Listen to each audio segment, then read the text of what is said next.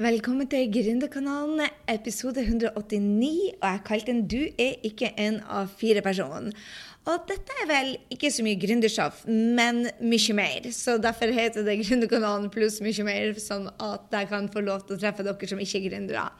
Men jeg har lyst til å dele litt med dette med å være en A4-person. Eh, fordi at jeg tror ikke du er en A4-person, og du trenger så absolutt ikke være det. Men hva er egentlig normalt? Hva er en, hva, en A4-person? Jeg tror det at eh, vi Normalen er litt annerledes for deg enn for meg. Eh, og normalen endres med hensyn til hvilken kunnskap vi har, hvilken, hvilken tid i livet vi er på, mota, media, hvilke venner. Og det, det endrer seg jo veldig med eh, ja, miljøet rundt oss. Som f.eks.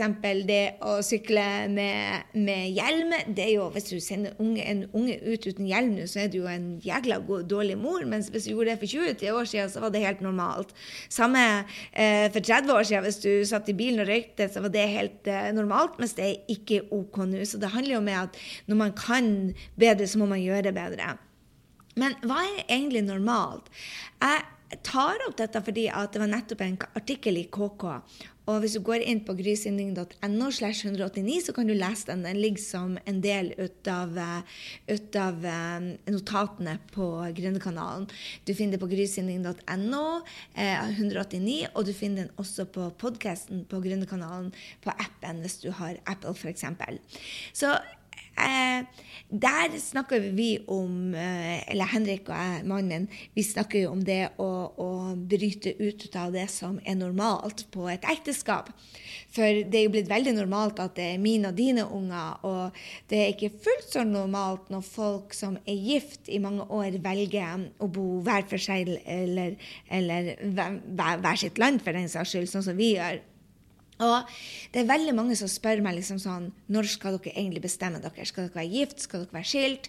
Eller f.eks. nå når jeg velger å ikke bo en plass. Jeg har tenkt at um, Henrik blir boende i Drøbak, litt i Frankrike. Og jeg blir å bo en del i eh, Puerto Rico, eh, en del i California og en del i New York. Og så blir jeg sannsynligvis å være litt i Texas. Og jeg skal reise litt rundt i USA for å finne ut hvor er det jeg har lyst til å bo henne. Så jeg blir ikke ha et hjem da fra, fra mai til januar-februar til neste år. Og mange som spør bare meg på sosiale medier har du bestemt deg, har du bestemt deg, har du bestemt deg? De er mer eager, de er mer nysgjerrige på hvor jeg skal bo henne, enn jeg er. Og, og, det gjør jo det at eh, jeg kunne ha latt meg presse til å bare ta en beslutning for å ha noe å si. Jeg tror det er det mest spurte spørsmålet jeg får på sosiale medier nå. Eh, folk som sender meg DM. 'Har du bestemt deg hvor du skal bo?' Har du bestemt deg? For det er ikke så vanlig, det. Og jeg tenkte at man trenger jo ikke I, i starten så tenkte jeg at jeg må jo bestemme meg så jeg har noe å svare folk. Men de har jo ikke noe med hvor jeg skal bo henne. Og de lurer kanskje på om det er i et titalls sekund, og så er de ferdig med det. De går tilbake til sitt liv. Og jeg trenger jo ikke å føle det presset, men allikevel så gjør jeg det. Um, vi har jo f.eks. Eh, da jeg slutta som eh, coach Eller jeg slutta ikke som coach, jeg har jo aldri slutta som coach, men da jeg slutta jobben min og fant meg en jobb for meg selv og ikke skulle ha én-til-én, men kjøre via Skype, som det var i starten, så sa folk bare det kan du ikke gjøre. Ikke kan du gi gratis ut det vi tar betaling for. Eh, det å ha coaching over Skype, det blir ikke så personlig. Mens i dag så er det jo plutselig alle gjør det.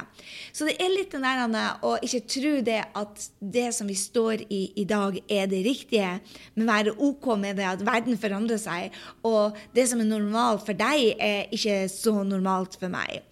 Jeg tror En av de tingene som jeg også har følt at jeg måtte være en A4-person på, er at man skulle sette barna sine først. Og jeg satte barna mine først i tolv år. Jakob var født i 96, og helt til han var tolv år, så satte jeg ungene først. Og jeg holdt på å dø. Jeg satte ekteskapet først, jeg satte ungene først. Og jeg tenkte det å være en god mor og det å være en god dame, det å være en god kjerring, det, det, var å sette dem først. Men jeg ble jo helt Jeg, ble, jeg mista meg selv. Og det er det jeg ser veldig mange av mine kunder. De mister seg sjøl, for de setter alle andre før seg sjøl. Og så skal de begynne å leve livet når ungene flytter ut. Og jeg tror det er en av grunnene til at vi har så stor skilsmissestatistikk rundt om i verden. Det er fordi at man får barn, man gjør det man tror man skal gjøre, og så viser det seg det at ah, de ungene de flytter nå ut en dag uansett. Så jeg tror at av og til så bare går vi på autopiloten og gjør det man tror man skal gjøre. Hør her, jeg er skyldig. Jeg var på autopiloten fra, fra den dagen jeg tror jeg flytta hjemmefra som, som 16-åring, til den dagen til jeg hadde 40-årskrisa mi. Det var først da jeg begynte å spørre meg sjøl men hva vil du? Og litt ut av spørsmålet var da tør jeg å sjekke inn på hva jeg vil? Jeg har egentlig levd etter min egen pipe de siste ni årene og blir bedre og bedre å gjøre på det. da. Men, men før jeg ble 40 år, så var jeg egentlig ekstremt redd for hva naboene ville si om mine valg. Hva kollegaene mine sier, hva foreldrene mine, søstera mi, hva, hva, egentlig hva hele verden hva de tenkte om meg. Så jeg torde egentlig ikke å sjekke inn på hva jeg ville gjøre. Og det jeg kom til, var jo det at jeg hadde feil jobb, feil mann, feil familie. At jeg hadde tatt masse eh, valg for meg selv som ikke føltes rett der og da. Men det var jo jeg som hadde skapt dette. Og jeg tror det er så mange av oss som venter til vi er 30-40-50 sånne store livsendringer. Kanskje med å få barn, kanskje med å gifte seg, kanskje med å miste jobben, kanskje med å miste helsa, kanskje med skilsmisse. At vi tør å, å spørre hverandre eller spørre seg selv hva nå? Er jeg happy? Altså, jeg tror det at man kan være happy ut å se F.eks. i dag ble jeg veldig happy det var frost her i New York. Og så gikk jeg ut, og så så jeg en, en eller annen vårblomst. Jeg vet aldri hva de blomstene heter, men jeg så en eller annen vårblomst kom seg opp gjennom frosten. Og jeg tenkte yes, et tegn på våren! Endelig! Da, da, ble jeg lykkelig. En annen ting som gjør meg lykkelig, det er når dattera mi gir meg en klem, eller eh, vi sitter og, og, og snakker har en hyggelig middag sammen, eller at hun lager middag i går, lager verdens beste salat. Jeg tenkte oh my god, jeg er så heldig jeg hadde noen jenter i livet mitt. Så, så det du kan være lykkelig i små øyeblikker. Men så må man også tørre å sette seg ned og spørre de der store spørsmålene. Hva vil jeg? Hvor skal jeg? Hva er drømmen min? Hvorfor er jeg her? De store tingene, rett og slett. Å spørre seg sjøl er jeg på rett vei. Hvis ikke, så juster. For mange tror jeg er for redd for å drømme. Og, og for redd for å bryte ut av mønsteret sitt og, og tørre å være litt gæren. Og du syns kanskje jeg er gæren som sier det at morgenrutinen er løsninga på det aller, aller meste. Men jeg, jeg, mener det. Hvis du ikke har en morgen hvor du får um, Eller en ettermiddag, den tida du føler deg mest deg, og føler deg mest energisk og tør, og tør, tør å ta ut det fra Jeg tenker på morgenen det er før du åpner sosiale medier, før du får input ut av en, en dritt-e-mail som slår deg ut, eller treffer ei eller annen sur kjerring på gata som mener noe om deg. Før det, de morgentimene, gi gull. Og sitt og reflektere. Hva vil jeg? Og jeg tror for mange tar beslutninger på nedturer. Fordi at det er kanskje en nedtur etter jul eller etter sommerferien, og så ble ikke den ferien som den skulle. Og så ender man på en, en skilsmisse. Det, det, er ikke for noen ting at man tar de beslutningene der. Man, skuffelsen er stor. Men så tenker jeg hvis man vet det fra siste år at det ikke ble så bra man kan gjøre noe annerledes. Man kan sette seg ned og reflektere. Hva vil jeg med denne ferien? Hva vil jeg med dette ekteskapet? Hvordan ser en eksepsjonell mamma ut for meg? Hvordan ser det å være en eksepsjonell kjæreste ut for meg? Hvordan ser drømmen min ut? Det er tid til å få deg en drøm. Hvis du ikke har en drøm, så er det tid for å få deg en drøm. Og mange som sier det til meg, at Hei, jeg er ikke en sånn målperson. Vel, bli ikke overraska at livet ditt går på nedtur, og du våkner opp om fem år og tenker hva faen gjør jeg her? Det var ikke her jeg ville. For hvis du ikke tør å sette deg noen hårete mål altså Det er ingen av oss som vet hva fremtida bringer. Og jeg trodde jo det at jeg ville ha 2,4 barn. Jeg trodde jeg ville ha jobben i IBM. Jeg trodde jeg ville ha det, alle de hytteturene, eller hytta i Frankrike. Eller eh, jeg trodde jeg ville ha alle de vennene som jeg skulle gjøre noe med hele tida. Jeg trodde jeg ville ha en full kalender, for da følte jeg det at oi, jeg, jeg har mye å gjøre. Jeg er populær. Uh -uh. jeg ville så mye mer, men hvis du ikke tar deg tid den morgenrutinen til å reflektere hva er mye mer for deg Jeg lærte så utrolig mye ut av ei bok ut av John Maxwell. Og der snakka han om dette med growth plan. Og jeg tenkte bare Oh my God, jeg er coach, og jeg har ikke en growth plan. Vi trenger en growth plan. Han snakker om det. Den boka hans den heter forresten Å, oh, guri malla. Den heter 15 Invaluable Laws of Growth. John C. Maxwell. 15 Invaluable Laws of Growth. Og Der snakker han om det at vi må vokse, eller så dør vi. Det er ikke nok til og med å ha bare hårete mål. Se visjon for deg sjøl. Kanskje å gå egne veier, det som er viktig for deg. Og så spør du kanskje ja, men hva med ungene, hva med jobben, hva med, hva med alle de her andre folkene i livet mitt? Jeg bare, Du må leve livet på dine premisser. Også om du har unger. Jeg tror det at alle unger blir og trenger en psykolog for å skille seg fra, fra foreldrene sine. Hvis du er for ettergivende, så blir de den drittsekken som ikke lærer noe før de er på universitetet. Er du den som roser for alt bra de gjør, så blir de arbeidsnarkomane, sånn som meg. Er du for snill og henger ræva på ungene dine, så får de dårlig samvittighet for at de må tilfredsstille deg hele tida, så trenger de en psykolog for det. Altså, Jeg kjenner ingen som ikke trenger en psykolog for å, å, å, løsrive seg fra foreldrene og det vi lærer som unger, de uvanene vi lærer som unger. Det er en del av prosessen, det er en del av livet. Så da jeg flytta til Frankrike i 04, så tenker jeg at alle de som sa til meg det at ungene mine ble skada av det You betcha de ble skada av det. Det var tøft. Tre første månedene for Jakob. Supertøff. Helena Guri malla kunne ikke et ord fransk og var to år og skulle begynne i barnehagen der og gråt hver eneste dag i tre uker. Men hun lærte seg fransk. Bestevenninna hennes i dag bor der. Et, det er hjemmet vårt nå. Det er der vi føler oss hjemme. Var det tøft da vi startet? Ja. Tre tøffe måneder på alle nye prosesser. Men var det verdt det? Absolutely. Vi, vi reiste tilbake eh, Vi reiste ned i 04, så dro vi til Norge igjen i 05. Og så dro vi ned for fire år da og bodde der i 2010. Og de vennene de har vi enda. Vi drar på ferie, og det føles som hjemme. I 2013 dro vi til USA. Da var jo det skrikekoret. Da sa våre franske venner bare 'Hvordan kan du gjøre dette igjen til ungene?' Men de har fordeler med det. Og jeg tenker det er så viktig at vi som voksne kan ikke leve livet vårt basert på hva vi tror er best for ungene hele tida. For da blir ekteskapet å lide. Da blir vår personlighet å lide. Vi kan ikke sette oss sjøl på hold i 20 år fordi om vi får barn. Vi må leve vårt liv. Ditt liv skal, betyr kanskje ikke at du skal reise noen plasser, men det betyr at du må tørre å være deg, uansett hva naboen sier. Det er ikke tvil om at du er viktig, at du har en stemme, og du er her for å dele dine erfaringer, dine kunnskaper, dine superpowers. Altså Når vi ser på sosiale medier, så er det et glansbilde der ute. Men du har lært noe gjennom de tøffe tidene, for livet er jo opp og ned. ikke sant? Og For mange velger de å være A4 og få det til å se fint og flott ut. Men jeg og du vet det at du er ikke A4. Og vi vet at du har nedturer. Og vi vet at du lærer mest ut av de nedturene. Så det, det handler om å tørre å kjenne etter. ok, Hvor skal disse nedturene lede meg?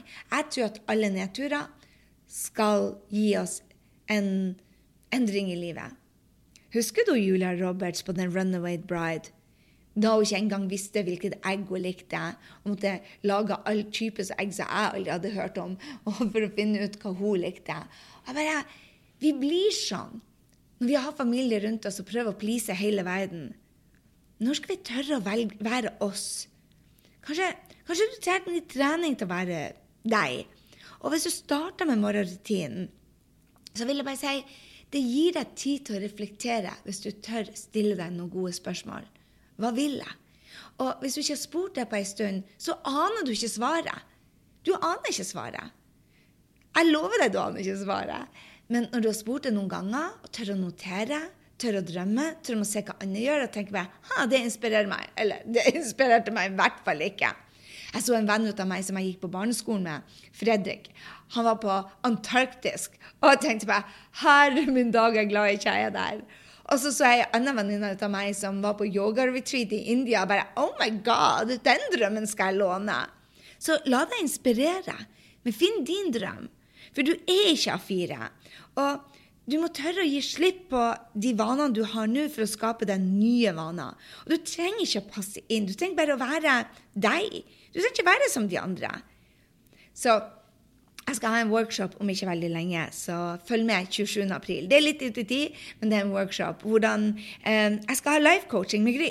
Og har du lyst å hive deg med på hvordan du kan finne mer ut av deg, mer ut av drømmene dine, mer ut av å sette deg noen hårete mål, og hvorfor du skal sette de hårete målene, så gleder jeg meg til å ha deg med. Så sett da 27. april klokka sju, by the way. Um, da skal vi rukke rett og slett å ha en, en, trening som jeg tror du blir og jeg elsker. Og bare det å bryte ut, ut av der du er i dag. Og selv om du har en, en, en opptur akkurat nå, så er det hvordan skal du håndtere nedturene, og hvordan skal du ta deg til det neste nivået? Litt sånn John Maxwell over det hele skal det bli. Så vi skal gå gjennom det at hvorfor folk er egentlig så redd for å sette seg hårete mål. Og en av de tingene som jeg vil dele med deg i dag, det er at jeg var superredd for å sette meg i hårete mål. Fordi jeg var redd for å ikke klare det. En, jeg var redd for å skuffe meg selv fordi at jeg tryna så mange ganger før. Og den andre grunnen var for at hei, hvis jeg gjorde det, så ville jeg se dum ut.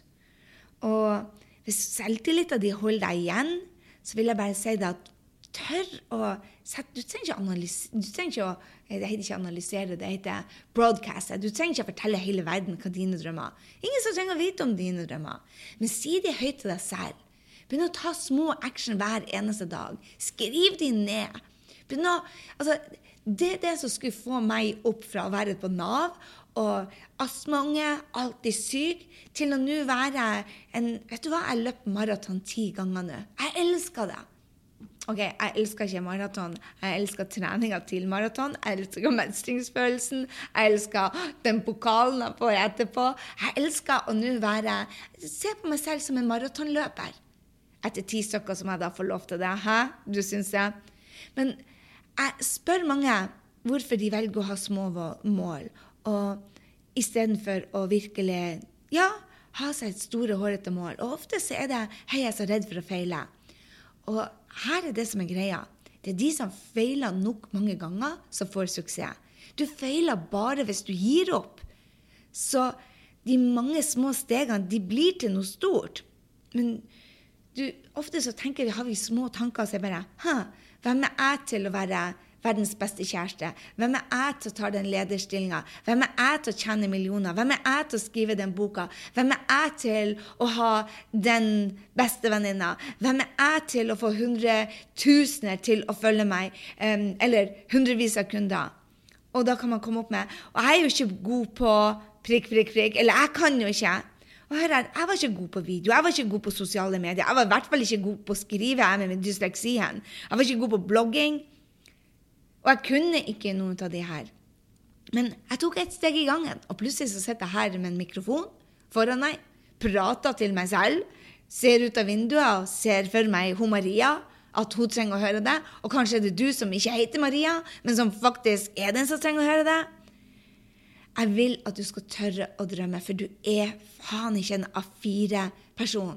Du er ikke det. Du hadde ikke vært her på Gründerkanalen pluss mye mer hvis du hadde vært den. Så istedenfor å lytte til de unnskyldningene dine, hvorfor du ikke kan, eller hvorfor ikke du I don't know har selvtillit nok, eller hvorfor de andre er så mye bedre, eller hvorfor det er så mange andre som gjør det, eller hvorfor du er så jævla travel. Jeg vet ikke. Du tenker sannsynligvis for smått. Kanskje fordi at du er redd for å dumme deg ut eller skuffe deg. Men hvis vi fortsetter å bare prøve å bli litt bedre, så vil vi aldri klare det. Prøving funker ikke. Vi må gi 110% til drømmen. Og vi må tørre å gå på snørra. Ikke én gang, men daglig. Nei, jeg hadde den lappen foran eh, lampa mi, som sto bare Gjør en feil, gjør en tabbe, drit deg ut, gjør en fuck up, og gjør gjerne den samme om igjen. Ha én suksess om dagen, Gry, og du blir å rocke. Når jeg hadde det foran meg, det var da det skjedde spennende ting. Det var da jeg var ferdig med å prøve. Det var da jeg gikk ut, ut av Nav. Det var da jeg fikk en stemme. Og det kom ikke over dagen. Det var ikke som jeg fikk 25 000 følgere over natta. Det har tatt meg mm, Hva det har tatt meg? Guri malla. Syv år. Jeg tjente ikke min første million over natta. Det tok meg 18 måneder. Men det jeg kan si til deg, det er det at du trenger ikke være teknisk. Det kan være folk som er bedre enn deg. Eh, det kan være mange på markedet ditt. Det kan være mange som vil ha den jobben du vil ha. Men vær klar over at du har en stemme. Det er bare én deg. Du har hørt Opera si det. Du har hørt så mange si det. Det er på tide å tro det. Det er på tide å ta beslutninger om at du er spesiell. Du fortjener drømmen din. Så hold fokus nå på å være mer deg. Hold fokus på å drite i hva andre mener om deg. Du er ikke A4. Du blir aldri å være A4. Du er ekstraordinær, og du må tørre nå å være det. Og drite på draget mens du øver deg. Vet du hva?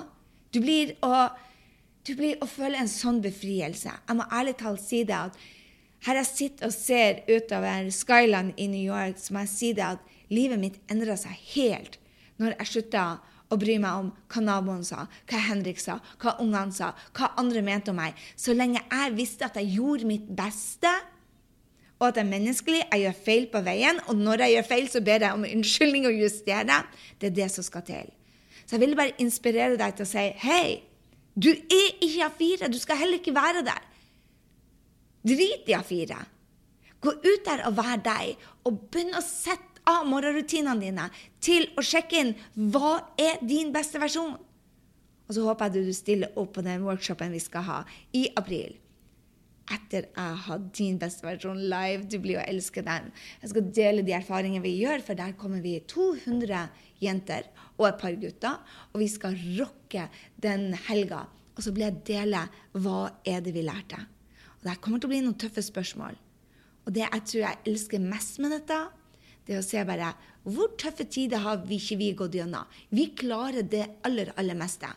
Så hvorfor snakker vi oss sjøl ned og sier at 'dette klarer jeg ikke'? Nei, jeg vet du klarer det. Du trenger ikke noe selvtillit. Du trenger bare å være OK med å være komfortabel med det som ikke er så komfortabelt. Du må være komfortabel med å drite deg ut, rett og slett. Da blir du mer ut av deg. Jeg lover deg det. Jeg håper du har en strålende uke. If ikke, så drit i håpet. Hope is not a strategy, sier John Maxwell. Jeg sier det også. Hope is not a strategy. Gå ut og lag deg en fantastisk dag. Vi høres i neste uke. Og hvis du ikke har morgenrutiner, gå på grysynding.no smart morgen. Du vil elske det. Og hvis du har en kul morgenrutine, så tagg meg til å screenshotte denne og skriv bare 'Baby, jeg har en god rutine'. Og del med oss at du lytter til Gründerkanalen. Det gjør meg glad, og det gjør det at du er raus og deler det med andre, sånn at de finner oss. Det er sånn jeg får hjulpet flere gründere. Det er sånn jeg får hjulpet flere til å våkne opp og se at hei, du heller ikke er A4. La oss rocke det her. Hvis vi skal ha den janteloven til å dø, så må vi faen meg ta tak og være klar over det at hei, når vi skinner, og tør å skinne, og tør å ta plass, det er da det blir, vi, vi, løfter taket for de andre. Så la oss løfte taket for noen andre. La oss dele hverandre. La oss heie på hverandre. Sammen er vi så sabla mye bedre. Så det var det jeg hadde for deg denne uka. Ha en strålende uke, og så høres vi i neste uke.